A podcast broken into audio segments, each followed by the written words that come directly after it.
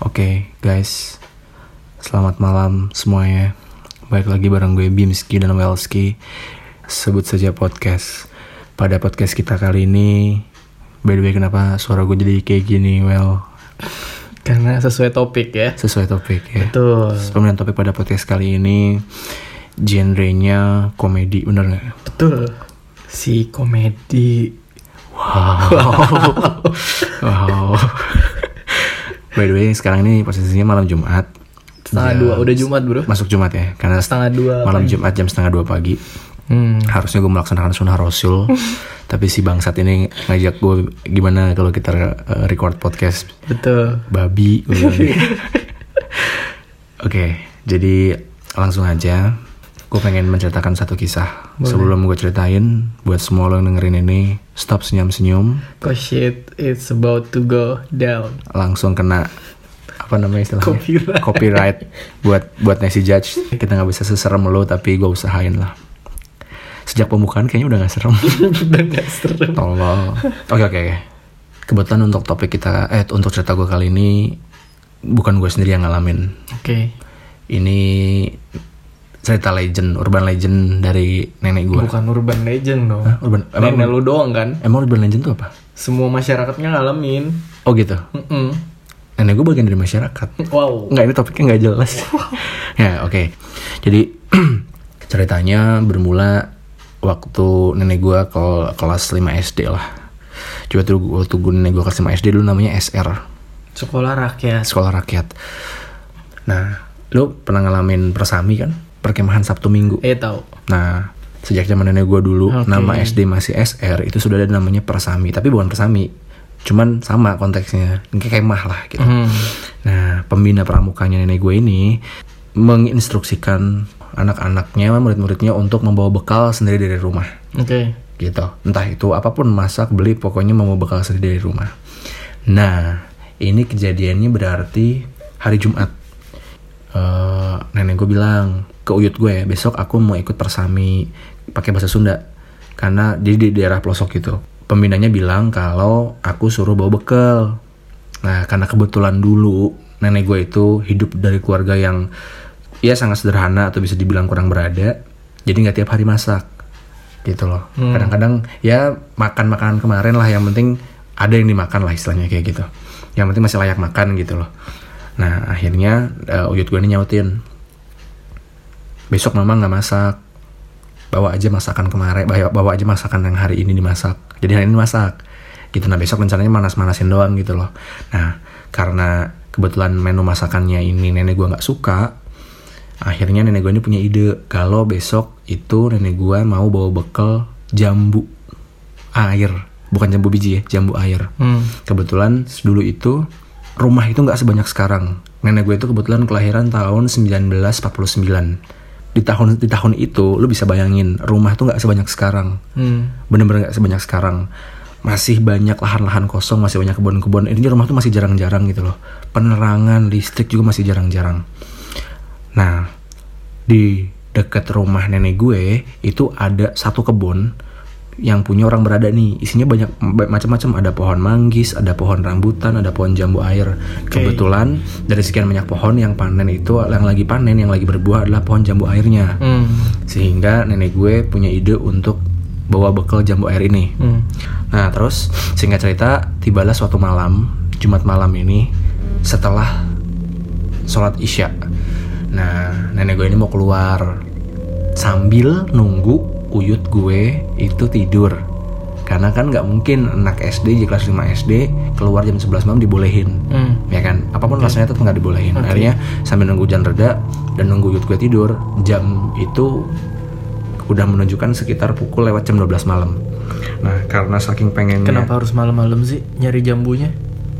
kan pulang sekolahnya sore Oke. Ini kan konsepnya jadi kan ilegal ya nyolong ya Ini kan di, di kebun orang gitu Oke, loh Makanya nggak bisa siang atau pagi. di samping ya itu itu alasan lainnya gitu loh Ah.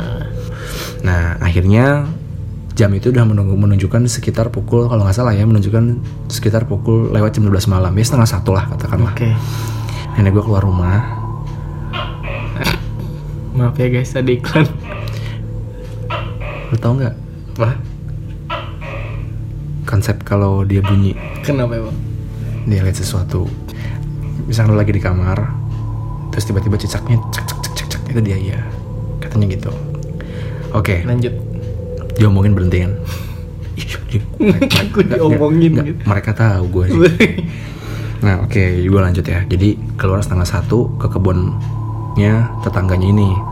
Nah akhirnya dicarilah dia keliling-keliling kebun nih. Pohon jambunya mana yang mau dijadiin target akhirnya dia nemuin pohon satu pohon yang memang jamunya lagi lebat banget dan itu pohon yang paling gede. Hmm. nenek gue udah siap galah terus sama bawa ba- kresek gede nih buat nampung nih. Kan dulu kan gelap ya maksudnya kebun penerangan belum bagus gelap. Ngelihat jambu diambil ngelihat jambu diambil. Masukin masukin. Keambil nih jamunya nih. Nah beberapa saat kemudian muncul hal mencurigakan. Ini pohon jambu rontok kayak gerak tapi rontok gitu loh Ger- lu tau gak sih pohon kena angin Iya, iya, nah iya, iya. masalahnya pohon yang yang seperti kena angin ini hanyalah di pohon ini di pohon yang lain enggak Kayak- ya ada kayak yang goyang. ya ada, ada yang goyangin lah gitu loh Iya. ini ya, ya goyang lah gitu loh seperti kena angin tapi yang gerak cuma pohon ini doang gitu loh Hmm. nah karena pohon ini digoyangin jambunya kan pada rontok nih Hmm. Nah, nenek gue bukannya curiga, dasarnya otak-otak oportunis nih, bukannya curiga, tapi malah seneng. Jambu yang rontok ini dimasukkan plastik, dimasukin plastik. Nah, pas plastiknya udah penuh, tapi pohonnya nggak berhenti, nenek gue bingung dong. Nah, asumsi nenek gue nih, menurut dia nih di atasnya ada tetangganya yang kenal dia, terus mau ngejailin karena mikirnya gini, ini anak, nih bocah, lagi ronda nih si ini lagi Oh. ronda, lapar, Pemikiran nenek lu. Iya. Si Wa ini lagi ronda, Wa, Wa, Wa Asep ini katakanlah Asep namanya ya. Wa Asep ini lagi ronda, lapar, terus naik ke pohon jambu. Nah pas lagi makan asik-asik kan mau turun malu nih. Hmm. Sekalian ngerjain ini bocah jam setengah satu pagi ngambilin jambu mau ngapain? By the way ini settingannya udah pakai seragam pramuka ya.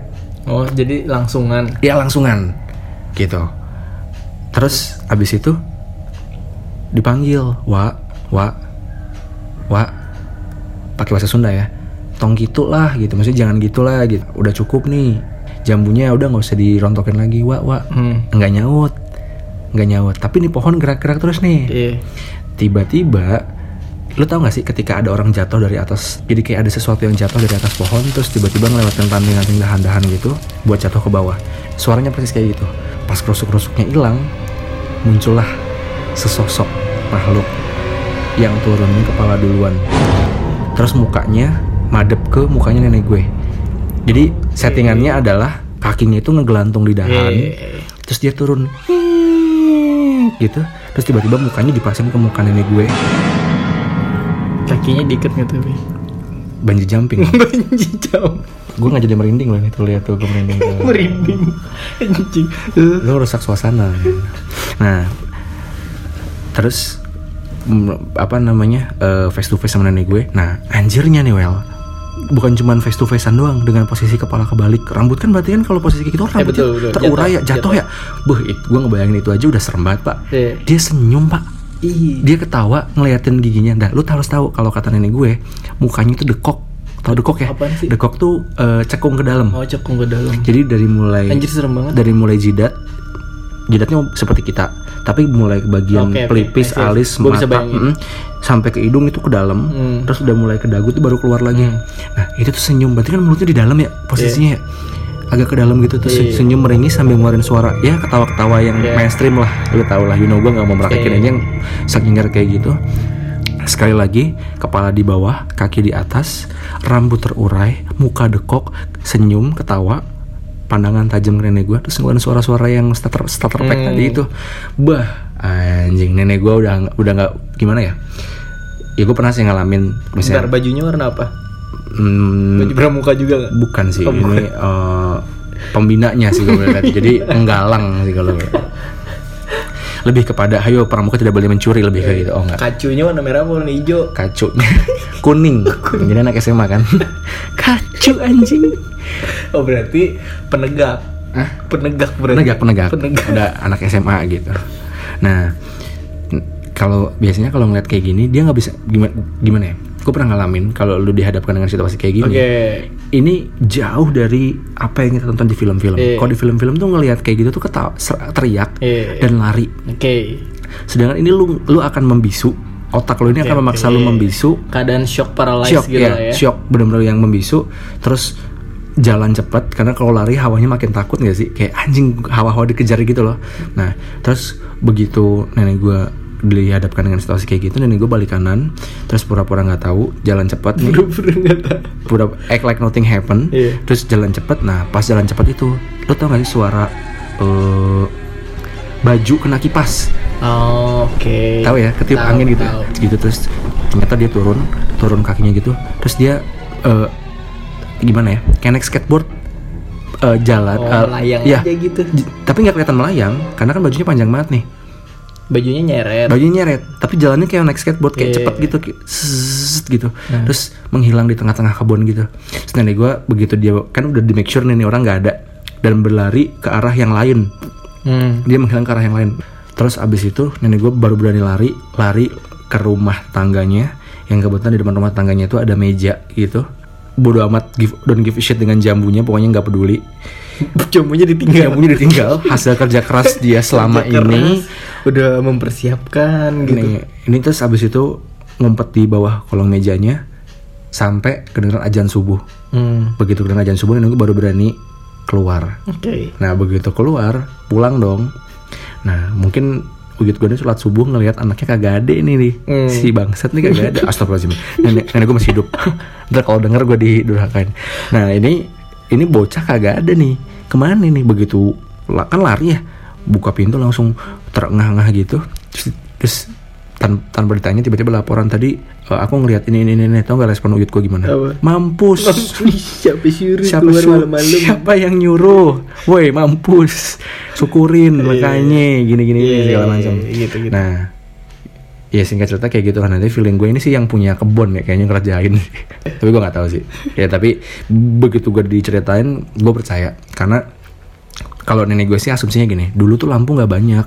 Hmm. rumah juga masih jarang. Jadi eh, mereka ini eksistensinya masih tinggi gitu Hmm. ini make sense buat gue.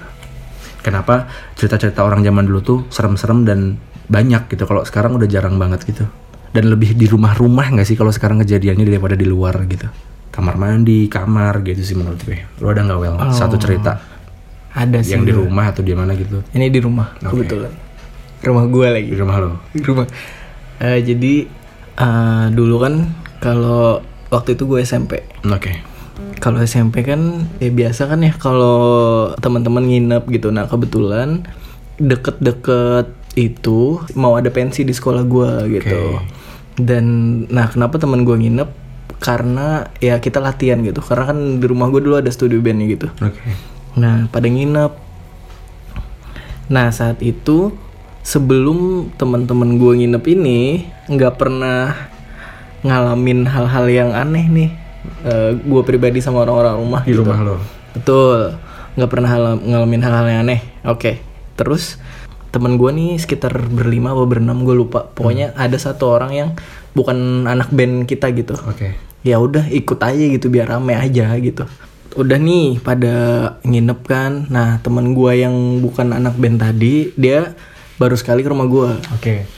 terus habis itu dia bilang ke gua "Eh, well eh, oh ya sebelumnya temen gue nih indie ya indie Ini, home ini Barens. indie indigo gitu bisa lihat gitulah dia Hmm, gue pikir Bisa. penikmat kopi dan senja. apa tuh anak indie Nggak, dia bisa lihat gitu bisa baca tulis kebetulan sekarang kuliah udah lulus gitu nggak nggak serius dia bisa lihat bisa lihat Oh bukan tunanetra ya? kok udah bisa lihat gitu emang horor anjing. ya. Terus dia bisa lihat terus dia bilang ke gua "Eh, well ini lu udah lama tinggal di sini katanya. Eh, dia bilang rumah lu ada yang jagain well katanya gitu. Satpam. enggak eh, orang makhluk lain. Orang lain. katanya eh, perwujudannya gede hitam katanya. Terus gua kan eh, ya udah selo oh ya udah katanya. Setelah usut punya usut eh, gue ngerti oh ini fun fact ya rumah gue tuh nggak pernah kenapa-napa gitu kayak entah kan sering ditinggal tuh sering kos nggak sering juga deh kadang kosong gitu ditinggal beberapa hari keluar kota gitu-gitu nggak pernah ada kejadian yang kayak dimaling atau apa pun itu gitu Mungkin emang di dalamnya nggak ada barang yang bisa dimaling. betul Si Kebetulan miskin cuma ini. kardus doang sih gitu Rumahnya Joshua Joshua. bu, Jojo pulang bu. lanjut ya Lanjut. Nah, terus dia bilang ada yang jagain gitu. Oh oke kata gue gitu. Gue nggak terlalu nanggepin tuh gitu. Karena ya gue pribadi pun tidak terlalu ini ya hal-hal yang kayak gitu gitu. Ya angin lalu lah. angin lalu aja gitu. Terus eh, setelah nginep di rumah kan pada rame nih. Ya latihan sore lah ya. Nggak mungkin gue latihan sampai malam gitu. Latihan latihan band sore. Abis itu ya udah gitu. Abis latihan kita ya selayaknya anak-anak pada nginep di rumah lah ya ngobrol begadang lah intinya Gimana? Selayaknya tuh gimana? Iya, maksudnya ya ngobrol, main gitu di rumah, main game, main PS, main kartu, main judi, main togel. Wow. Wah, Main cewek. Wow. Wow. Anak SMP yang dewasa. tidak. Terus ya udah begadang kita nih. Kebetulan itu malam minggu, makanya pada nginep gitu. Terus temen gue ini, gue lupa pokoknya udah dini hari lah. Yang yang indigo ini. Bukan, ini bukan yang indigo. Temen gue yang satu band. Oh intinya yang jadi korban bukan yang indigo. Bukan bukan. Jam 2 jam 3 mungkin. Lapar dia. Well, lo ada makanan apa? Udah bikin Indomie aja. Kata gua kan ada Indomie kok. Terus nah di deket dapur gua tuh kan ada kamar kosong ya, bukan kamar sih, gudang lah lebih tepatnya. Oke. Nah gudangnya itu ada jendelanya be, ngadep ke dapur. Terus eh, teman gue ini masak nih Indomie. Ini gue tahu setelah dia cerita ya. Rasa rendang atau rasa Hmm, belum ada Oh, belum ada. itu. Dia cerita pada saat dia bikin Indomie itu katanya kok telinga gue panas. Katanya ada yang ngomongin? ada yang kebetulan kita yang di kamar gitu. Iya. Tolong dong jangan di distract iya, mulu gitu. Ada tuh telinganya panas gitu. Terus dia kayak ngerasa eh, antara ada dan enggak kayak ada tipis-tipis kayak gitu. Oke. Su- Suaranya jauh tapi jelas banget gitu. Oke. Gua nggak tahu ya, gue pernah denger gitu. Kalau yang terdengar suaranya sangat jauh, berarti itu sebenarnya dia sangat dekat. Pun sebaliknya gitu. Kalau terdengar dekat, berarti dia sebenarnya jauh. Terus abis temen gue masak itu kan eh, nunggu air mendidih lama kan ya? Iya. Terus dia masukin belum mendidih nih airnya, minyak udah dimasukin gitu. Oke. Terus dia balik ke kamar gitu. Oke. Diem anaknya diem. Terus eh, lo kenapa balik kan lo lagi masak kata gue. Udah masaknya. Belum gue tinggalin katanya. Dia nggak berani cerita dulu. Oke. Karena kalau kayak gitu cerita lebih serem pak. Lebih serem gitu.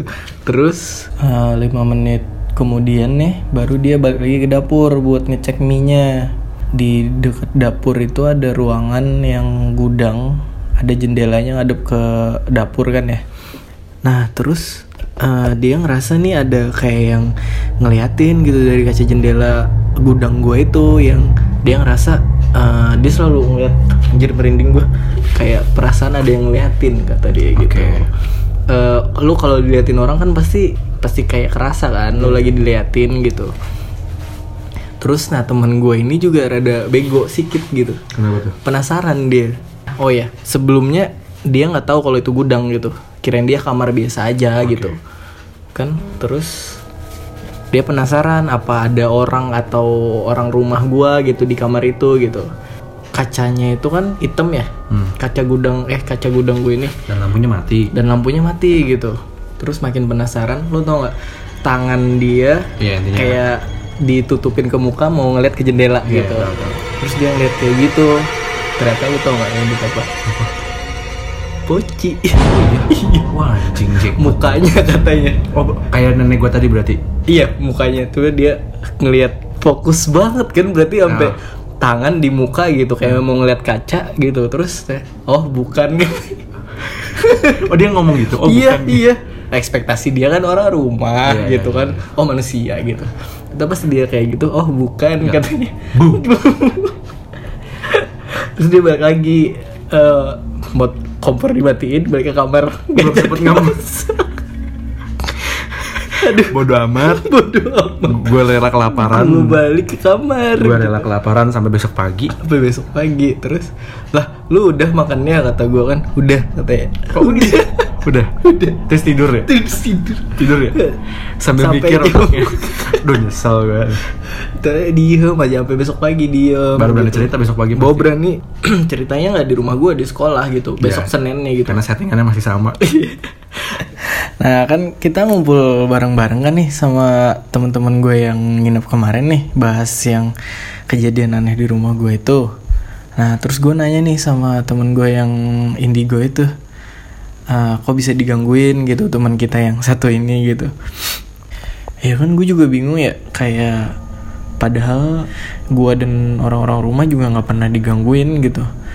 Hmm, Kok tiba-tiba ada kejadian yang aneh kayak gitu gitu. Ada temen gue yang digangguin ya udah.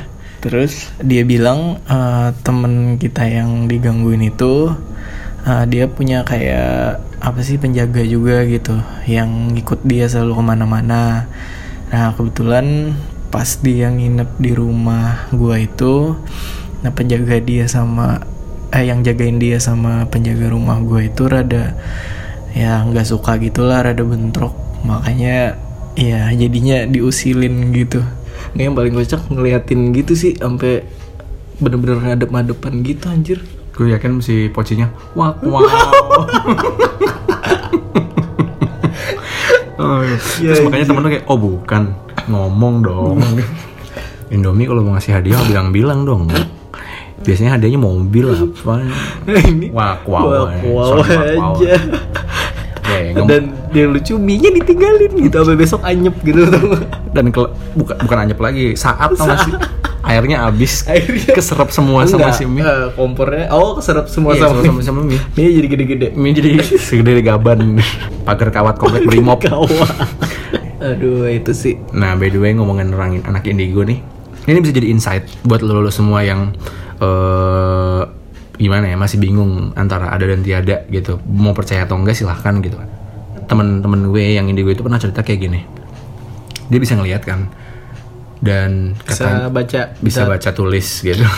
Tidak tunanetra lah pokoknya. Katanya eh, kemampuan yang dia punya ini itu turunan dari uyutnya. Hmm. Jadi nyokapnya pernah cerita kalau uyutnya tuh ya punya satu kemampuan gitulah dan, dan ternyata kemampuannya ini nurun ke si ci- cicitnya. Cicit ya? Habis uyut tuh cicit kan ya? hmm. Nurun ke cicitnya ke teman gue ini gitu. Dia bisa punya kemampuan buat eh, melihat sesuatu di frekuensi yang berbeda. Hmm. Nah, dia bilang gini, kita dan mereka itu memang berdekatan, hidup berdekatan. Hanya saja beda frekuensi. Lu pernah lihat Insidious kan? Kayak gitu. Si si tokoh utamanya ngelihat rumah dia, tapi di alam dari alam yang lain, rumahnya ada, misalnya kayak gitu. Bentuk wujudnya ada, tapi begitu masuk pin, tata letak pintunya sama, cuman situasinya yang berbeda gitu loh keadaannya berbeda nah cuman ketika lo ke frekuensinya mereka yang mereka itu sebenarnya bersosial gue nggak tahu ya nih mungkin kalau memang teman gue sotoy gini dan mereka mereka yang ada di sekitar gue ini mendengarkan cek cekak cekak kayak anjing sotoy banget nih orang kayak gitu tapi gue hanya Oke, bisa inti- menceritakan intinya ya udah kayak manusia aja gitu Iya kayak Cuma, manusia. eh, Dia bilang bersosialisasi gitu. Mereka beraktivitas. Terus kemudian mereka Bercocok eh, tanam. Bercocok tanam. Terus abis itu eh, berpolitik nggak serius? Wow. Mereka mereka itu eh, ada pasar, ada sekolah, ada rumah. Makanya, nah ketika gua gua cocokologi, gua relate di kebetulan di Islam itu memang ada eh, ada kita ada tempat-tempat yang katanya setan itu atau makhluk-makhluk seperti itu menggemari. hmm, Salah satunya adalah kamar mandi. hmm, Selain itu di pasar. Kemudian orang kan debat ya di pasar ya. iya. Nah, mereka suka suka gitu loh dengan sesuatu yang yang Oh, negatif gitu loh. oke. Nah, wujudnya itu nggak karuan. Wujudnya nggak abstrak, bener-bener abstrak. Lu pernah nonton Monster Inc? Iya. Ah, kayak gitu. Tidak beraturan. Entah itu menyeramkan katakanlah kepala di kaki-kaki di kepala, tapi ini tidak Oke, beraturan. oke. Nah, ukuran mereka ditentukan dari kekuatan.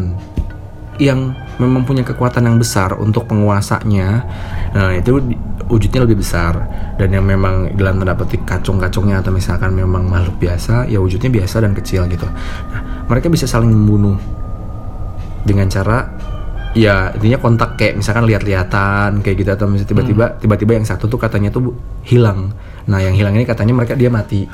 Nah frekuensi alam mereka dan alam kita saling berdekatan itu adalah di waktu senja ke maghrib. Makanya orang tua zaman dulu ketika udah masuk maghrib anaknya nggak boleh main. Ya buat gue mungkin dulu sederhana aja ya yang main malam bukan waktunya main gitu Hmm. tapi ternyata ada alasan di balik ini karena frekuensi terdekat itu berdasarkan spektrum warna langit nah spektrum yang pal- yang yang men- paling mendekati ala kedua alam ini adalah spektrum di waktu maghrib gitu. Nah, ketika spektrum mereka berdekatan, biasanya kedua makhluk ini bisa saling ketika misalnya punya kemampuan ya, mereka bisa saling menyeberang dunia satu sama lain. Karena frekuensinya Oke, berdekatan. Oke, oke. Gitu. Jadi ketika masuk maghrib, mereka bisa nyeberang ke alam kita dan orang-orang makhluk manusia seperti kita yang punya kemampuan itu bisa nyeberang ke alam mereka. Gitu. Ini ini ilmu. Jadi so ya mereka beneran ada guys. Cuman maksudnya ketika buat lu yang takut, buat lu yang over takut sama mereka, gue cuma pesen mereka real, mereka real, mereka ada. Mereka di- diciptakan oleh Tuhan gitu loh. Tapi yang paling penting buat lo semua yang merasakan takut dan fobia terhadap makhluk-makhluk seperti ini, mereka tidak bisa menyakiti lo semua. Mereka tidak bisa menyakiti kita. Karena mereka tidak diberikan kemampuan untuk itu. Gitu loh. Kita tinggal berdampingan, kita tinggal berdekatan tapi kita tidak bisa saling menyakiti. Kalaupun kemasukan itu bisa. Tapi nggak nggak akan gimana ya? Di film kan dicakar, digigit, itu nggak ada, itu nggak ada. Nggak bisa dia melukai lo gitu. So, lu jangan takut gitu pesan gue sih. Oke deh. Thank you, Be. Pesan-pesannya. Stop senyum-senyum. Cause shit is about to go down. Judge.